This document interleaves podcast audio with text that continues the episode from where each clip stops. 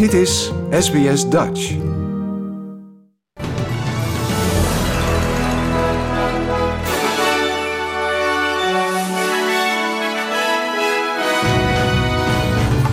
Dit zijn de headlines van het SBS Dutch Nieuwsbulletin van zaterdag 25 juni. Vrouwen in de VS verliezen hun grondwettelijk recht op abortus.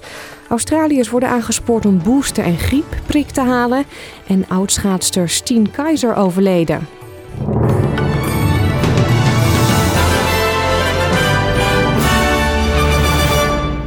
Vrouwen in de Verenigde Staten verliezen hun landelijk recht op abortus. Nu het Amerikaanse Hoge Rechtshof een streep heeft gezet door de Roe v. Wade-uitspraak. De uitspraak uit 1973 gaf vrouwen het absolute recht op een abortus in de eerste drie maanden van de zwangerschap. De rechtbank vernietigde de uitspraak in een zaak waarbij een vrouwengezondheidsorganisatie betrokken was, die het verbod op, die het verbod op abortus na 15 weken in Mississippi aanvechtte. Door in het voordeel van de staat te beslissen, maakte de conservatieve meerderheid in de rechtbank effectief een einde aan de grondwettelijke recht op abortus.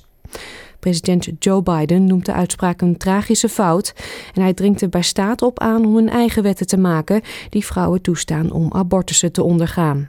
It's a sad day for the court and for the country. Now, with Roe gone, let's be very clear. The health and life of women in this nation are now at risk. I believe Roe v. Wade was the correct decision as a matter of constitutional law and application of the fundamental right to privacy and liberty in matters of family and personal autonomy. America's Planned Parenthood, een organisatie die abortussen aanbiedt, schat dat door de uitspraak zo'n 36 miljoen vrouwen in de vruchtbare leeftijd geen toegang meer zullen hebben tot abortus. Nancy Pelosi, voorzitter van het Huis van de Afgevaardigden, zegt dat de Republikeinse Partij wil dat abortus in heel Amerika wordt verboden. Be aware of this. The Republicans are plotting a nationwide abortion ban. They cannot be allowed to have a majority in the Congress to do that. But that's their goal. Door het besluit mogen staten voortaan zelf bepalen of ze het afbreken van een zwangerschap toestaan. 13 staten hebben al zogenaamde triggerwetten aangenomen, die nu zullen leiden tot een onmiddellijk verbod. De voorzitter van de in Californië gevestigde Right to Life League, Theresa Brennan, is zeer verheugd met de beslissing van het Hoge Rechtshof. Ze zegt dat de VS meer moet doen om vrouwen te helpen die zich om economische redenen gedwongen voelen om een abortus te ondergaan. 75% of abortions are for women who are within 2% of the federal poverty level. So that really is saying like these are women who maybe aren't necessarily feeling like they want to have an abortion, but they're sort of backed into a corner and feel like they're having to choose between paying their rent and having a child. So if we can, as a pro-life movement and as a nation and at each, you know, really get behind women, we have to get behind women. Oekraïne trekt zijn troepen terug uit de stad Sivirodonetsk. Al een maand lang vinden hier enkele van de zwaarste gevechten van de hele Russische invasie plaats. De strijd om de stad is belangrijk voor Rusland om de controle te krijgen over de laatste overgebleven gebieden in de regio Lugansk, die nog in handen zijn van Oekraïne. De provincie-gouverneur zegt dat troepen in Severodonetsk al het bevel hebben gekregen om naar nieuwe posities te verplaatsen. Hij vertelde niet of dit al gebeurd was en waar ze precies heen gaan. This is what we've been talking about, and there's no need to talk about so called betrayal, as nobody is going to abandon our boys. No one will let encirclement happen, and no one is going to have a careless attitude.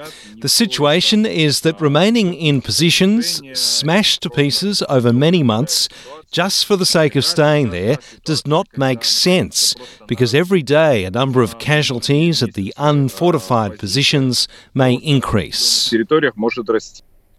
Australiërs worden aangespoord om een COVID-booster en een griepprik te halen als ze dat nog niet hebben gedaan. Chief Medical Officer Paul Kelly zegt dat het erg belangrijk is voor mensen, inclusief kinderen, om in de winter een griepprik te halen.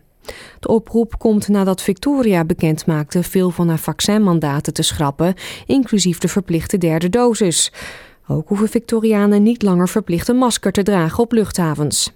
Mensen die positief testen op COVID-19 moeten nog steeds zeven dagen in isolatie, maar kunnen nu wel van huis om een gezinslid rechtstreeks van of naar school of werk te rijden.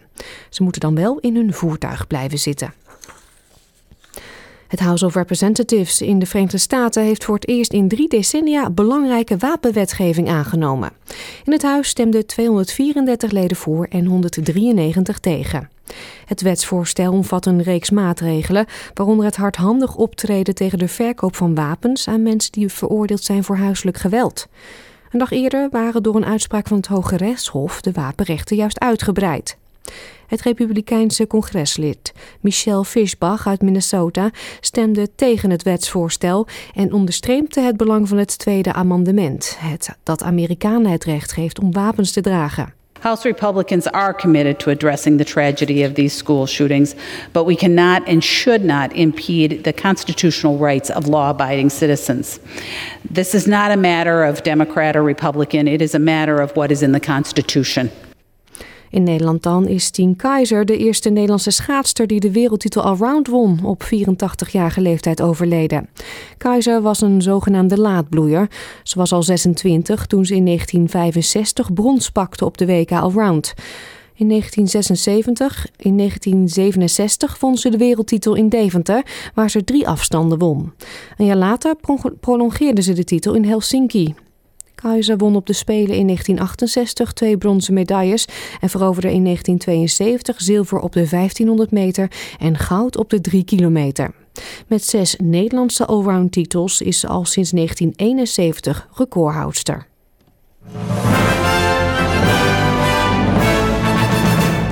Krijgt u tot slot nog het weerbericht. In Perth is het gedeeltelijk bewolkt en wordt het 19 graden. Adelaide een paar buien, 16. Melbourne gedeeltelijk bewolkt, ook 16. In Hobart vallen een paar buien, daar wordt het 14 graden. Het is gedeeltelijk bewolkt in Canberra, ook 14. Wollongong overwegend zonnig, 20 graden. Sydney ziet ook vaak de zon vandaag, 21. Het is zonnig in Newcastle, ook 21 graden. Brisbane zonnig, 22. Cairns gedeeltelijk bewolkt, 27. En in Darwin is het vandaag overwegend zonnig en daar wordt het 32 graden. Dit was het SBS Dutch News.